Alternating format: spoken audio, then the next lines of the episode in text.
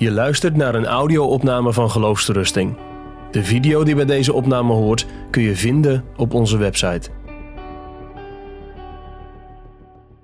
Het thema van vanavond is mij aangedragen. Ik durf van tevoren eigenlijk te zeggen dat het thema op mijn hart is geschreven. Ik heb zelf ook heel lang geworsteld met wet en evangelie. En, en dat woordje rechtvaardiging en zo, dat waren angstaanjagende woorden in mijn leven. En ik durf te zeggen, door Gods genade, dat ik het geheim ontdekt heb. En toen heeft God mij al vrij kort daarna geroepen om dit uit te dragen. En daarom ben ik ook vanavond naar reizen gekomen. Ik ben onbekwaam. Ik hoop dat jullie met mij meebidden. Want ik moet het van de Heilige Geest hebben. En ik heb geen woorden. En ik heb in mijn vlees heb ik niks. Dus het is alles alleen maar genade. Dus bid met mij mee dat ik de woorden aan jullie mag doorgeven van mijn meester. Hoe worden mijn zonden vergeven? Je zou het ook anders kunnen zeggen. Hoe word ik rechtvaardig voor God? God is immers liefde, maar wij weten ook dat God rechtvaardig is. Vergeving heeft iets te maken met de rechtvaardigheid van God. Want in de hemel komen namelijk geen zondaren. Misschien denkt u dat. Berouwvolle zondaren, of ernstige zondaren, of serieuze zondaren. Maar straks op de nieuwe aarde, daar wonen alleen maar rechtvaardige mensen. Dus in de hemel kan geen zondaar komen en straks op de nieuwe aarde kan er geen zondaar wonen met God samen. Waarom niet? Omdat God rechtvaardig is. Schrik niet, ik laat u wel schrikken. God kan alleen een rechtvaardige aannemen. God kan geen zondaars aannemen. Want God is rechtvaardig. Dit is het geheim, denk ik, van het evangelie waar ik iets over wil zeggen. Want vergeving is niet iets wat uit ons komt, maar vergeving is iets wat uit God komt. Want u wil geen gemeenschap met God, maar God wil gemeenschap met u. Daarom heeft God in de stilte van de eeuwigheid iets uitgedacht om goddelozen en zondaren te rechtvaardigen. Heel veel woorden in de Bijbel hebben met elkaar te maken. Vergeven, rechtvaardiging. Moet u luisteren. In Romeinen 4, vers 7 zegt Paulus: Zalig zijn zij welk ongerechtigheid vergeven zijn. Daar staat letterlijk in het Grieks de ongerechtigheid weggezonden. In diezelfde tekst zegt Paulus: En welke zonden bedekt zijn. Een beeld gebruikt hij daar in het Grieks zoals water de bodem van de zee bedekt. Of in diezelfde tekst zegt hij: Zalig is de man welke de Heer de zonde niet toerekent. In het Grieks staat daar een woord, niet op je rekening schrijft.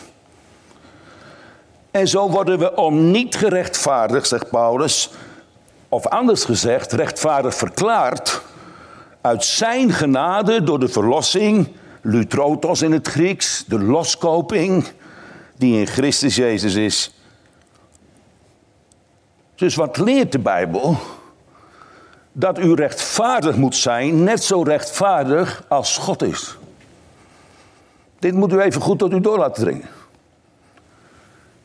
Er is geen andere manier om vrede met God te krijgen dan dat u net zo rechtvaardig bent als God rechtvaardig is.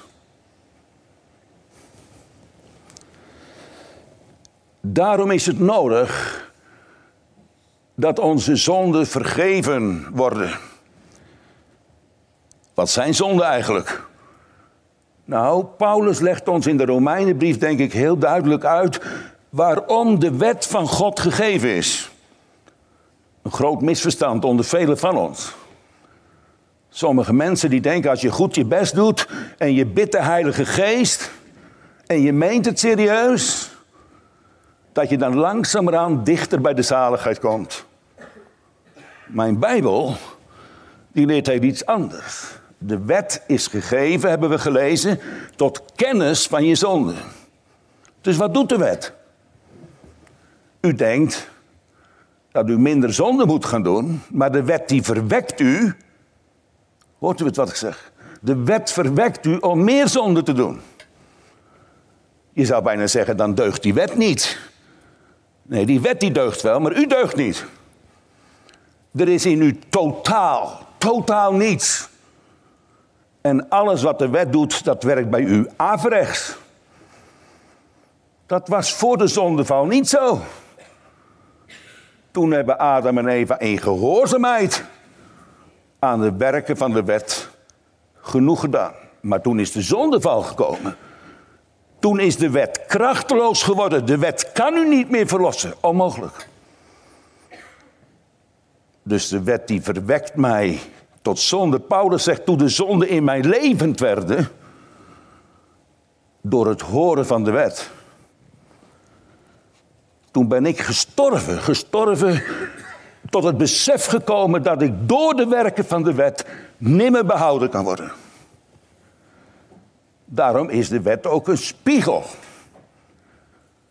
Een spiegel waar je in ziet hoe rechtvaardig God is. Nog even. Het woordje rechtvaardig in het Grieks, dat betekent een ieder het zijne geven. Als u God geeft wat God toekomt en u geeft uw naaste wat uw naaste toekomt, dan bent u rechtvaardig. De wet zegt niet als je goed je best doet. Maar de wet zegt, als je zo bent, dan kan ik van vrede spreken. Wie kan zeggen van, vanavond dat hij God geeft wat hem toekomt en dat hij zijn naaste geeft wat hij toekomt? Nee, ik vraag u niet of u goed uw best doet. Ik vraag ook niet of u serieus bent. Ik vraag ook niet of dat u veel in de collectezak gooit. Ik vraag u, wie durft te zeggen dat hij God geeft wat hem toekomt en zijn naaste wat hem toekomt? Als u dat doet, dan bent u een rechtvaardige. Nu zegt mijn Bijbel dat er niemand is die dit doet. Er is niemand rechtvaardig, zelfs niet tot één toe. Alle zijn ze afgeweken, alle zijn ze stinkende geworden, ik en u. Dit moet gepredikt worden. Dit is de zwarte achtergrond waar de kostbare sterren van goud straks gaan schitteren. Maar dit is wet en wet is geen evangelie. En evangelie is geen wet. Toch zitten heel veel jongeren en ouderen verstrikt. Omdat wet geen wet meer is en evangelie is geen evangelie meer. De uitspraak, u moet uw hart eens toetsen eraan, die niet werkt. Die krijgt loon. En die werkt, krijgt geen loon. Romeinen 4, vers 5. Heel veel mensen denken, als ik met Gods hulp, met de Heilige Geest, die mij in staat stelt om dit te doen, dan ben ik een eind op de goede weg. U, lieve vriend, u hebt het niet begrepen. Want door de werken der wet wordt niemand gerechtvaardigd. Niemand. Daarom is het wel nodig in ons leven dat we in die spiegel leren kijken. Om te zien hoe rechtvaardig God is. Toen Luther in de tien geboden de rechtvaardigheid van God zag, werd hij boos op God. En Luther zei: Ik haat, ik haat dat woordje rechtvaardigheid. Want nooit doe ik het genoeg en nooit doe ik het goed. Altijd word ik afgewezen. Luther begreep niet wat de rechtvaardigheid van God was. Dat kwam ook door de prediking in die dagen van Luther. Daar werd wet en evangelie met elkaar vermengd. En de mensen waren angstig. En de mensen waren bang. bang van Gods rechtvaardigheid. Zelfs als het evangelie gepredikt werd, heel bedekt, waren de mensen nog angstig, want evangelie was geen evangelie. Misschien is dat ook in uw hart en in jullie hart de worsteling. Wet en evangelie. Dus Maarten Luther heeft in zijn voorwoord geschreven aan de Romeinenbrief. Ik begreep het niet. Ik haatte God. Waarom benadruk ik dit nou op een avond als dit? Misschien horen we liever over Gods liefde. Ik ook. Maar ik hou ook van Gods rechtvaardigheid. U ook? Ik heb Gods rechtvaardigheid lief gekregen in mijn leven. Net zo lief gekregen als de eigenschap van Gods liefde. En ik zal u straks natuurlijk uitleggen hoe dat komt. Want wat de wet mij niet meer geven kan, de wet kan mij niet meer belonen. De wet kan niet tegen mij zeggen, je hebt goed je best gedaan. De wet die kan niet tegen mij zeggen, ga zo door. De wet veroordeelt mij.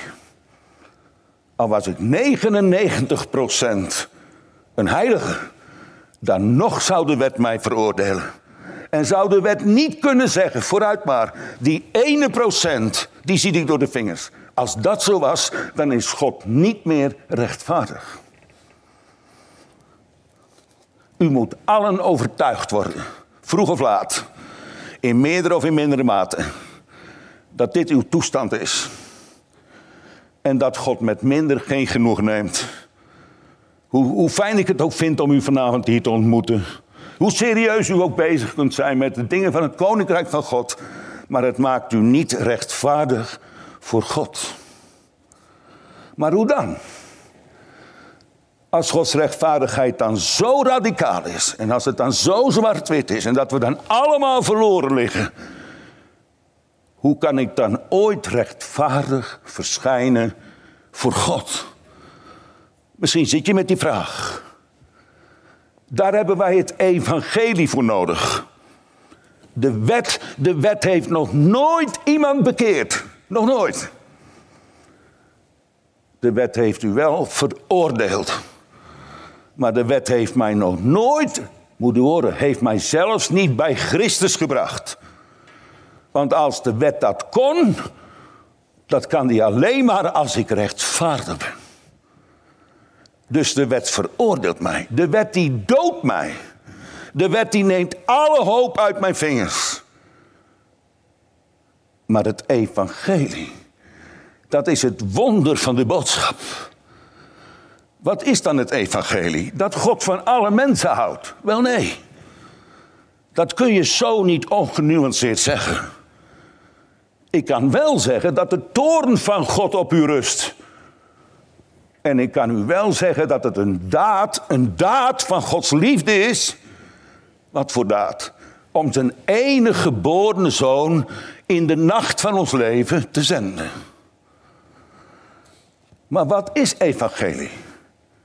Een blijde boodschap. Maar wat is dan een blijde boodschap? Nou, God is liefde. Jazeker. Maar Paulus zegt in Romeinen 1, vers 17 dat de blijde boodschap iets heel anders is.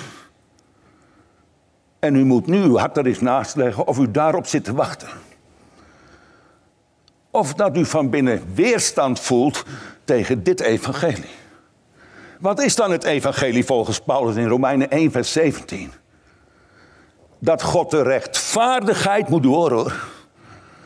Dit is zo'n wonder. En dat God de rechtvaardigheid die ik nodig heb, die ik nodig heb, om rechtvaardig voor God te verschijnen, dat God die in het evangelie ons heeft geopenbaard. Dus wat is evangelie? Dat in Christus Gods rechtvaardigheid geopenbaard geworden is in de nacht van deze wereld.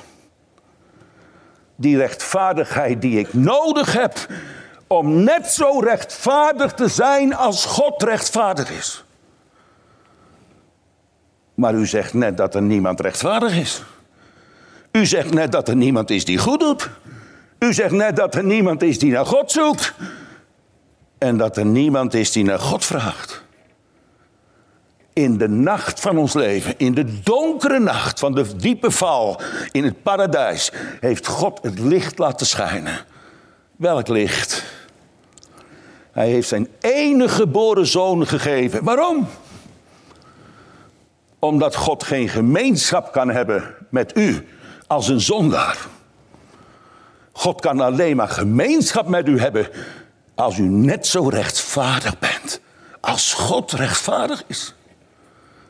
Dominee, dat bereik ik nooit. U begrijpt het niet goed. Dominee, ik ben al zo lang ernaar op zoek. U begrijpt het niet zo goed. U bent nog naar iets op zoek wat niet beantwoorden kan aan wie God is. U moet iets hebben, een rechtvaardigheid, waarmee je rechtvaardig bent in de ogen van God. Dat heeft de wet, de wet mij nooit geleerd. Dat kan de wet mij ook niet leren. Daar heeft God het evangelie gegeven. En dit evangelie, dat is natuurlijk de tegenovergestelde van de wet. Wat de wet niet meer doen kan, dat doet God door het evangelie. En dat biedt hij u aan. Dat is het aanbod van Gods genade voor zondaren. Dat is het aanbod van Gods genade voor goddelozen. Die boodschap is niet beperkt, niet beperkt tot sommige mensen, tot ernstige mensen, serieuze mensen, overtuigde mensen. Maar het evangelie heeft God geopenbaard aan een wereld in zonde en in schuld. Waardoor het mogelijk is dat u door het geloof een rechtvaardige wordt in de ogen van God. Al ben ik in mijn eigen oog een goddeloze. Een huigelaar. Niet te vertrouwen. Geneigd tot alle kwaad. Wij buigen ons hoofd. Vanavond buigen we allemaal ons hoofd, want niemand van ons is te vertrouwen. En niemand is serieus. En niemand zoekt oprecht God als dat waar was. Ik hoorde van de week dat iemand zei, maar dominee, het is niet voor zondaren, maar voor adventskinderen. Weet u wat adventskinderen zijn? Simeon en Anna. Die waren gerechtvaardigd. En die waren verwachtende de komst van de Heer Jezus.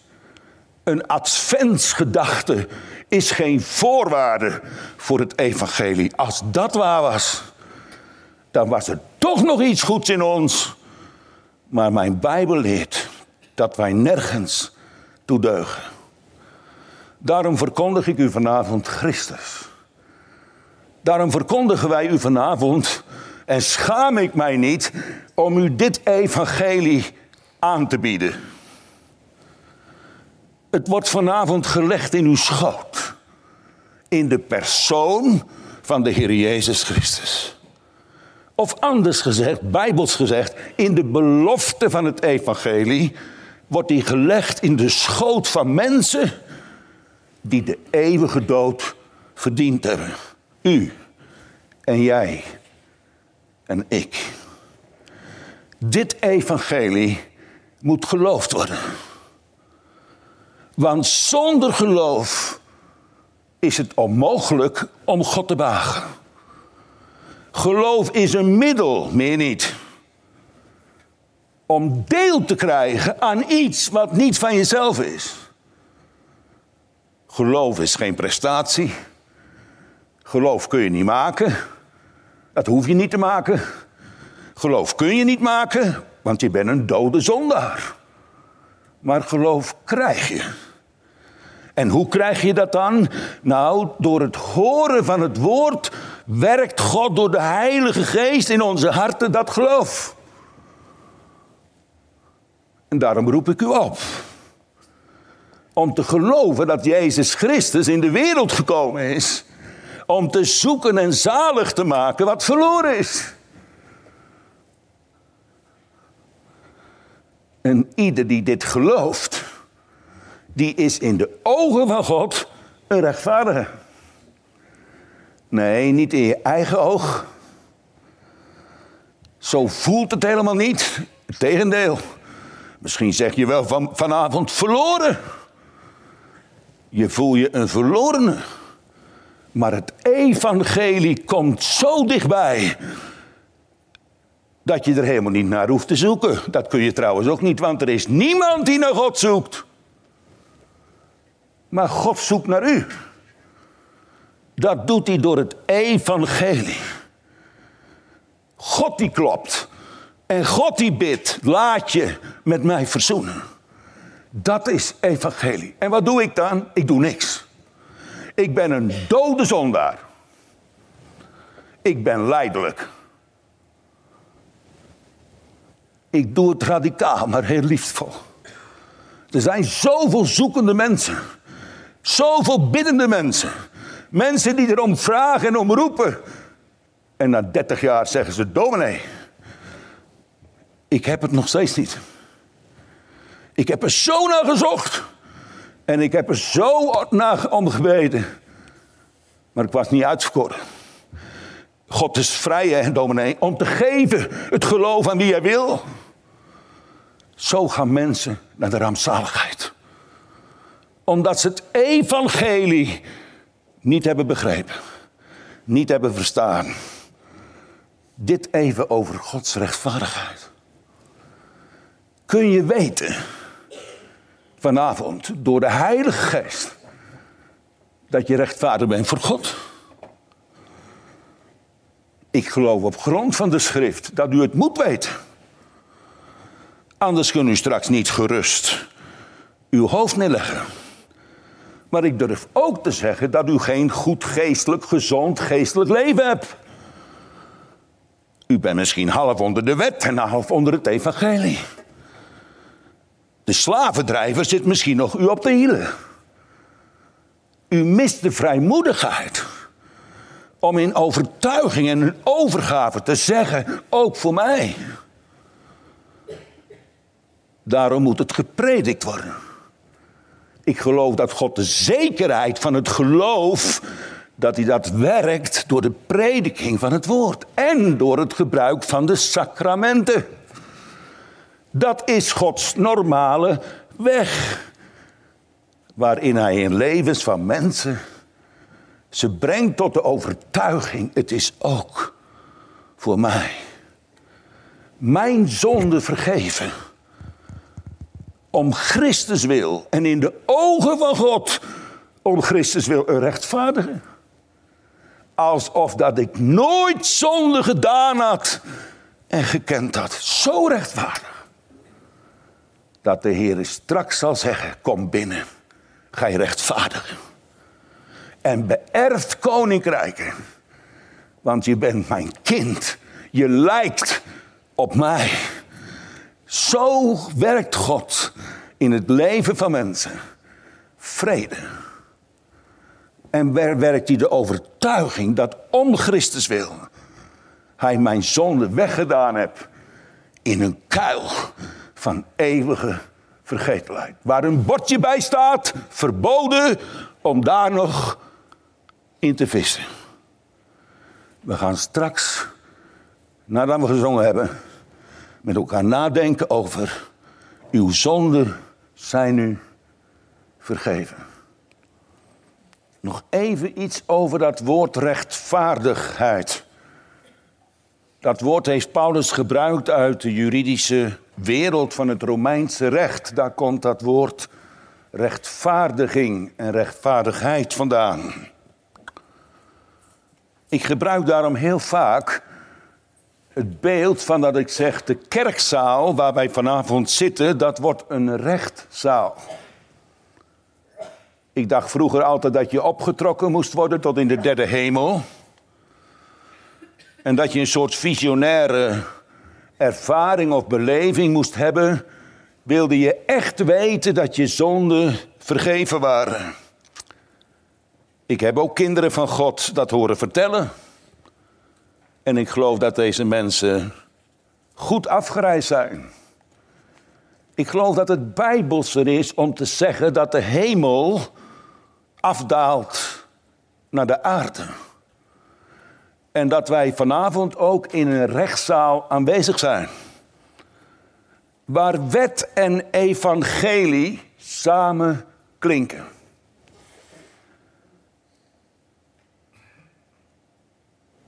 Dat God de Heilige Geest vanavond aanwezig is.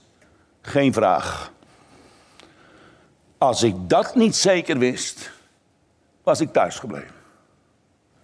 Maar ik weet zeker waar het woord verkondigd wordt, dat de Heilige Geest in ons midden is. Waarom?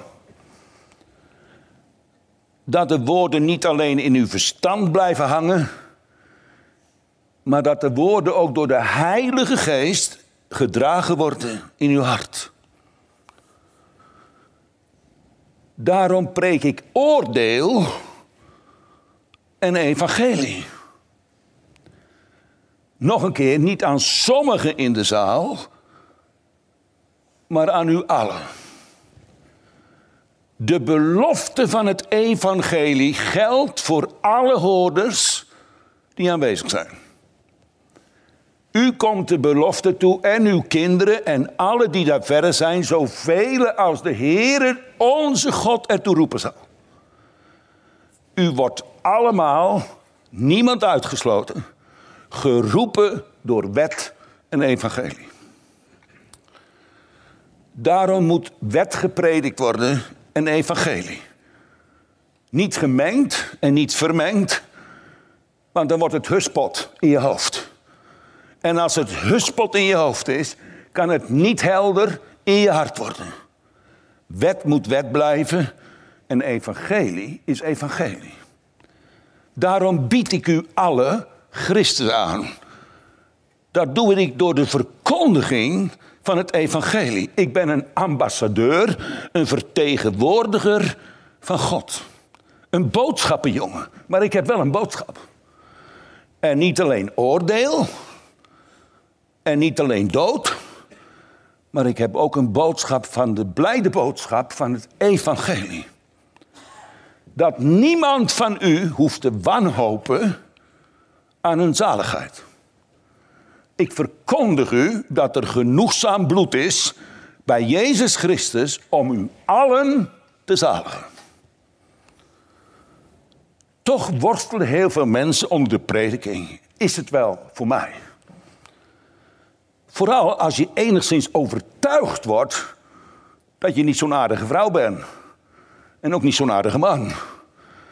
Dat je overtuigd wordt dat je geneigd, geneigd bent tot het kwaad.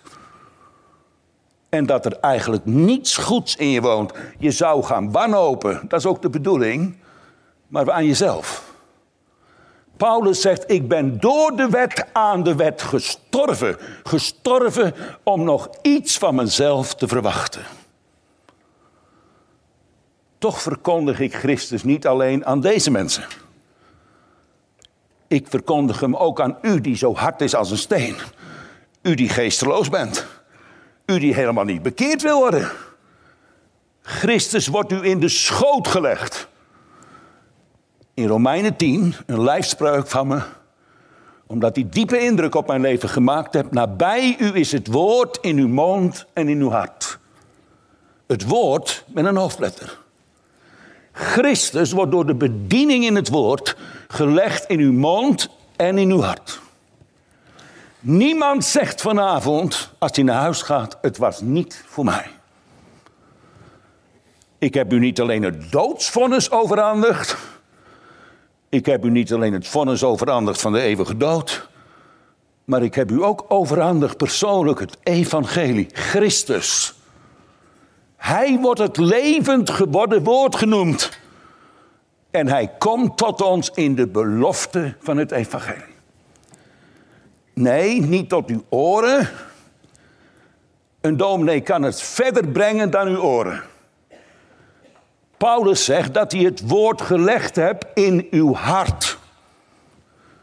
Het ligt binnen handbereik. Niemand kan zeggen, ik kan er niet bij. U moet eerlijk wezen. U moet gewoon zeggen, ik wil er niet bij. Dat is uw diepste wortel. Dat u zo misschien niet zalig wil worden. Dat u misschien zelf in leven wil blijven. Dat u ook een beetje samen op weg wil. Maar u moet niet tegen God zeggen: Ik kan er niet bij. U hebt er lang naar gezocht. U hebt heel serieus ermee bezig geweest. Maar u bent bijna wanhopig geworden, radeloos. Want God lijkt wel niet te horen, de hemel is gesloten. En ik voel me ellendig en noodruftig. Ja, het wordt met u nooit wat. Maar luister eens, het geheim is, het geheim is dat u. Ook dat is mogelijk, hè? Maar het geheim is dat hij zo dichtbij komt. Eén woord mij persoonlijk, dit heb ik nooit begrepen. Ik dacht altijd, dit is voor uitverkorenen. Dit is voor kinderen van God. Dit is voor mensen die kenmerken hebben van het ware leven. Ik kon niet geloven dat God aan goddelozen, waar niks in was om hem vast te knopen, geen aanknopingspunt kon vinden in mij, dat is een lieve zoon aanbood. Met de bedoeling dat hij mij zou verderven. Nee, met de bedoeling dat hij mij behouden wilde. Maar hoe word ik dan behouden? Ja, door het eenvoudige geloof in Christus alleen. Wat is dat geloof? Als je zegt ik geloof, dan zeg je niks. Dat doet een moslim ook. Maar als Christus zo in je schoot gelegd wordt, dat je hem vanavond niet meer kan weerstaan, dat je hem aan je hart drukt en dat je zegt, Heer Jezus, is het echt voor mij? Heb u ook uw bloed gestort op Golgotha om mij zalig te maken? Misschien twijfelachtig. Misschien wel vol strijd en vol onzekerheid. Maar langzamerhand door het horen van het woord word je langzamerhand overtuigd. Of heel plotseling, heel radicaal. Doet er niet toe. Als het maar gebeurt. Opdat je Christus gaat kussen. Moet je horen, nou komt het. Ik ben niet alleen geroepen van Gods wegen om Christus u aan te bieden. Maar ik ben ook geroepen om u te verkondigen dat een ieder die de gekruisende Christus met een waar geloof omhelst, die is behouden. Of met andere woorden, dat een ieder die de gekruisende Christus omhelst, daar moet ik tegen zeggen, uw zonden zijn u vergeven. Dat gebeurt allemaal in de kerkzaal, die een rechtszaal is. De blijde boodschap. Door het horen van het woord, waar de Heilige Geest in je hart werkt. Dat de een plotseling, de ander meer geleidelijk, tot de zekerheid mag komen, ook voor mij. Dat hij mijn zonde heeft weggeworpen in een kuil van eeuwige vergetelheid. En dat ik in zijn ogen een rechtvaardige ben. Hoe weet ik dat? Een briefje uit de hemel gekregen? Nee. Een extraordinaire beleving gehad? Ook niet. Maar door het geloof wat zich hecht, wat zich toevertrouwt aan de belofte van het evangelie. Want lieve mensen, onze God, de rechter van hemel en aarde, is rechtvaardig in zijn richten, maar is ook rechtvaardig in wat hij beloofd heeft. Hij kan niet liegen. En wie tot mij komt, die zal ik geen zins uitwerpen. Nou nog even wat pastoraal zomaar. Dat voorbeeld uit de Bijbel, uit Matthäus, ik heb het nu niet voorgelezen, omdat ik even de tijd wil gebruiken. Maar het gaat over die geraakte. Die met vier vrienden gebracht wordt aan de voeten van Jezus. En dan staat er zo mooi dat Jezus hun geloof zag. En dat hij tegen de geraakte zei: Uw zonden zijn u vergeven. Vanavond zeg ik u: Uw zonden zijn u vergeven. U schrikt. U wordt bang. U wordt angstig. U denkt, die dominee stop me wat in mijn handen. Dat laat ik me niet overkomen. Weet u wat dit is? Ongeloof.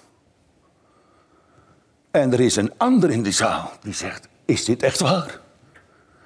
Wanneer wij op Christus vertrouwen, met heel ons hebben en houden, hoe verdorven ik ook ben in mezelf, maar de Bijbel zegt, uw zonden zijn u vergeven. Die gaat straks naar huis, huppelend, springend. Ze waren misschien al eerder vergeven, vorige week misschien al. Maar toen was het zo zwak. Het was zo aangevochten. Het was te groot om te geloven. Maar vanavond, door de Heilige Geest, kon je het niet langer meer tegenhouden. En brak het, brak het van binnen in je open. Vrede. Vrede met God door onze Jezus Christus. Morgen kan het weer weg zijn. Wat is er morgen weg? Dat gevoel. Die ervaring, die beleving. Nou, gelukkig maar dat het niet uit gevoel alleen bestaat. Geloof gaat samen met gevoel. Maar er is geen geloof zonder gevoel. Dat moet ik natuurlijk ook uitleggen. Er kunnen periodes zijn dat je geloven mag en het mag ervaren, mag voelen. Maar de Heer leert je om door het geloof te leven. Wie leeft er door het geloof? De rechtvaardige. Ja, maar ik ben helemaal niet rechtvaardig. Maar het geloof zegt, in de ogen van God ben ik gerechtvaardige. Al gaan ze van binnen nog zo tekeer. Bij u misschien ook wel. Ik reed hier naartoe vanavond. Ik durf het niet tegen de chauffeur te zeggen. Maar de geboden, de Heidelberger zegt, al is het dat ik tegen al de geboden van God gezondigd heb. Hier staat er één. Hier staat er één vanavond. En er niet één gebod gehouden heb. U ook niet. Maar in alles gefaald heb. Nochtans. Nochtans ben ik alleen om de gerechtigheid van Christus in de ogen van God een rechtvaardige. Nog iets. Lucas 7. Vind ik ook zo'n wonderlijk hoofdstuk in de Bijbel. Heel veel verwarring is erover. Ze wordt genoemd een zondares. En ze komt in het huis van Simon. Vroeger dacht ik, dat is een overtuigde vrouw. Dat is een serieuze vrouw. Die heeft last van de zonde. En die hebben een soort heimwee of zo. En ze vlucht naar Jezus. Wel, nee. Het was een gerechtvaardigde vrouw. Wat? Haar zonden waren vergeven. Wat nou toch? Wat moet ze dan nog bij Jezus doen? Ja, dat is het nou juist. Wat kwam ze eigenlijk doen? Ze boog zich aan zijn voeten. Ze zei geen woord. Ze brak het kruikje. En met haar tranen maakte ze zijn voeten nat. Wat voor tranen waren dat? Van vergeven zonde. Heb u ook wel eens gehuild?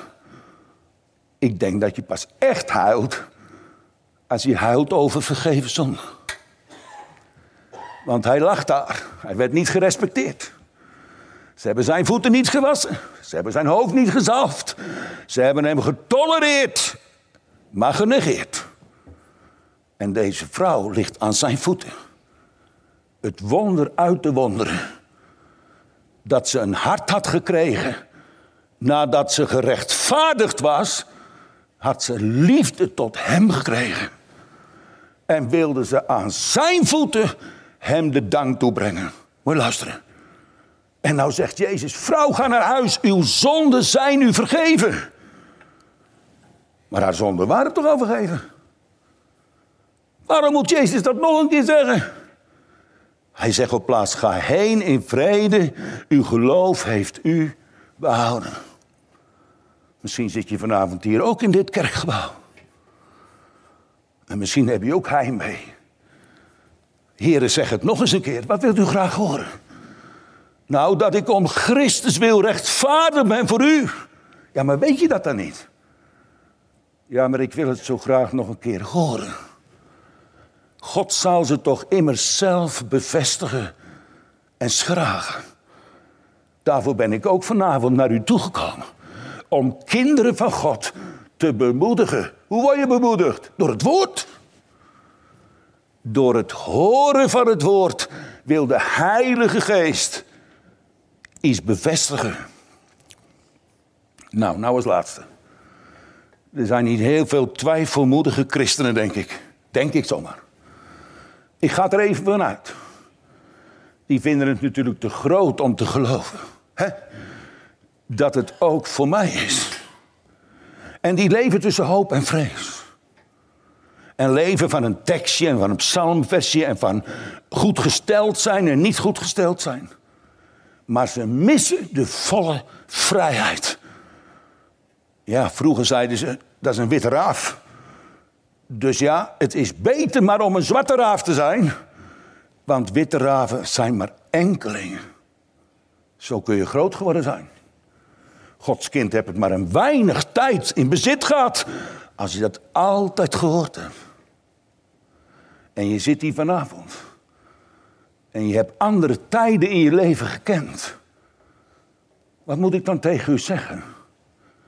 Nou, ik heb een sleutel van God gekregen. Ik, kan het, ik wil dat in elke preek zeggen. Een sleutel van God gekregen om de hemel open te doen en de hemel op slot te doen. Ik heb die sleutel bij me, hij ligt nu op de grond. Het is het woord. En dat woord zegt dat indien u Christus verwerpt, wordt de hemel voor u toegesloten. Al hebt u honderd kruisjes achter uw naam. Al bent u zo serieus geweest als wat. Al hebt u alle afgoden van u weggedaan. En u bent een strikt serieuze kerkganger. Maar de hemel gaat voor u op slot. Niet voor tien jaar, maar voor eeuwig. Mijn vriend, mijn vriendin. U hangt boven de hel. En de hemelpoort gaat straks voor eeuwig gesloten worden. Maar ik heb nog een sleutel bij me om de hemel inderdaad te openen. Voor wie? Voor alle die de verschijning van de Heer Jezus Christus hebben liefgehad. Die toch de volle vrijmoedigheid missen om dat openlijk te beleiden. Uit mensenvrees. Of bang dat je hoofd eraf gaat. Of bang dat ze een etiket opplakken. Of bang dat je familie kwijtraakt. Maar diep in hun hart ligt er enigermate zekerheid. Zij moeten door de verkondiging van het woord tot meer zekerheid gebracht worden. Dan zegt onze Heidelberger dat verkondigd moet worden aan diegenen die de belofte van het evangelie hebben aangenomen. Die hebben het trouwens. Die de belofte van het evangelie omhelst hebben, die hebben het. Maar ze zijn het zich altijd niet ten volle bewust. Wat moet er met die mensen gebeuren? In de grond geboord worden. Een klap op hun hoofd gegeven worden. Nee, die moeten bij de hand genomen worden. Opdat ze tot meer zekerheid mogen komen. Daarin wordt God verheerlijkt. Daarom moet ook verkondigd worden aan degenen die Christus door een waar geloof hebben aangenomen. Die moeten nog een bijzondere ervaring krijgen. Oh ja. Die moeten nog iets extra's ordinairs meemaken. Want je kunt wel het eigendom zijn van Jezus Christus maar toch geen vergeving van zonde hebben. Oh ja, kan dat? Kan dat? Waar staat dat in de Bijbel? Waar staat in de Bijbel dat je Christus deelachtig kunt zijn en dat je zonden niet vergeven zijn? Toch zitten mensen daarmee en wachten op een bijzondere ervaring. Ik geloof op grond van de schrift dat God door de prediking van het woord de zekerheid in je hart wil werken, meer en meer dat mijn zonden om Christus wil vergeven zijn. Dat hij door de Heilige Geest mij overtuigt hetgeen wat ik in Christus heb. Niet wat ik in Christus krijg, maar Paulus zegt wat wij in Christus hebben. Door het horen van het woord wordt dat uitgepakt. We gaan dit afronden. U gaat straks allemaal naar huis. Ik denk dat ik een klein beetje weet hoe u in elkaar zit. Niet anders dan ik. Wat is de waarheid? Mijn gevoel? Mijn gevoel. Mijn opvoeding. Mijn dominee. U zult nooit vrede vinden en nooit rust. Zolang u het daar zoekt. U moet zijn bij dat woord. Om door de Heilige Geest uw zekerheid te mogen vinden. Niet in, in, in ervaringen. Natuurlijk gaat het niet zonder ervaring. Gelukkig niet. Maar het ligt niet in de ervaring. Maar het ligt vast in het woord. Moet je luisteren. Het lijkt heel wat wat ik zeg. En het is ook heel wat. Het is een godswonder als je beleiden mag dat je rechtvaardig bent in Gods ogen.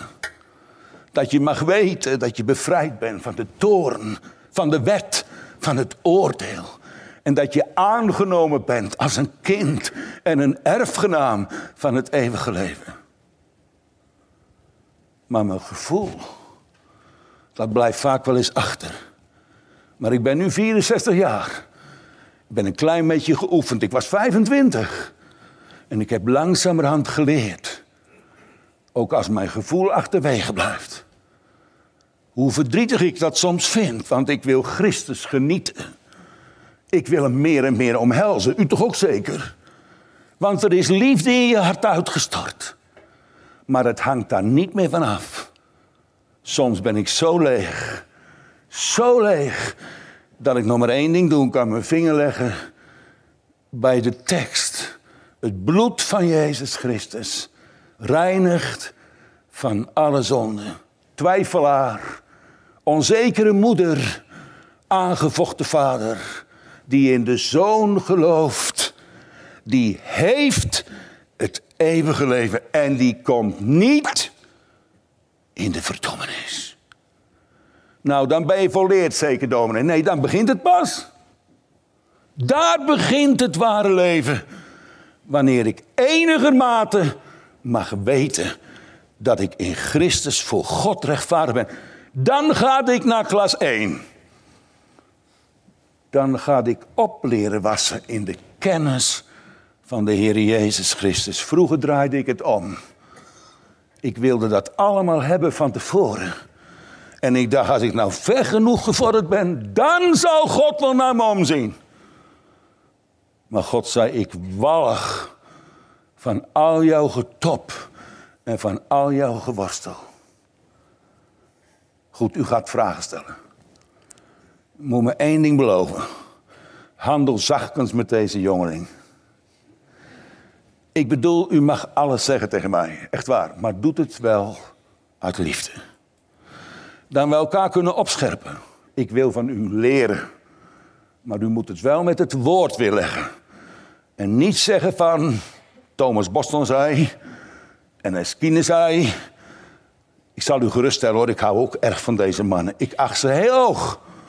Maar dat moet u niet doen. U moet komen met het woord. Goed, we gaan nu even pauze houden.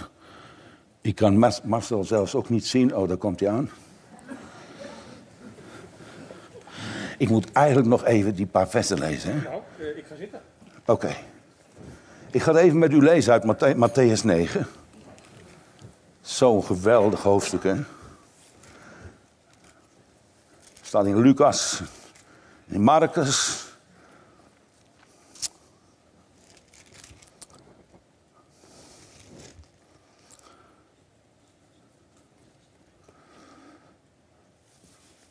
En in het schip gegaan zijnde, voer hij over en kwam in zijn stad. En zie, ze brachten tot hem een geraakte, op een bed liggende. En Jezus, hun geloof ziende, zeide tot de geraakte zoon: Wees welgemoed, uw zonden zijn u vergeven. En zie, sommige van de schriftgeleerden zeiden tegen in zichzelf: Deze lastert God. En Jezus ziende hun gedachten, zeide, waarom overdenkt gij kwaad in uw harten? Want wat is lichter te zeggen? De zonden zijn u vergeven. Of te zeggen, sta op en wandel.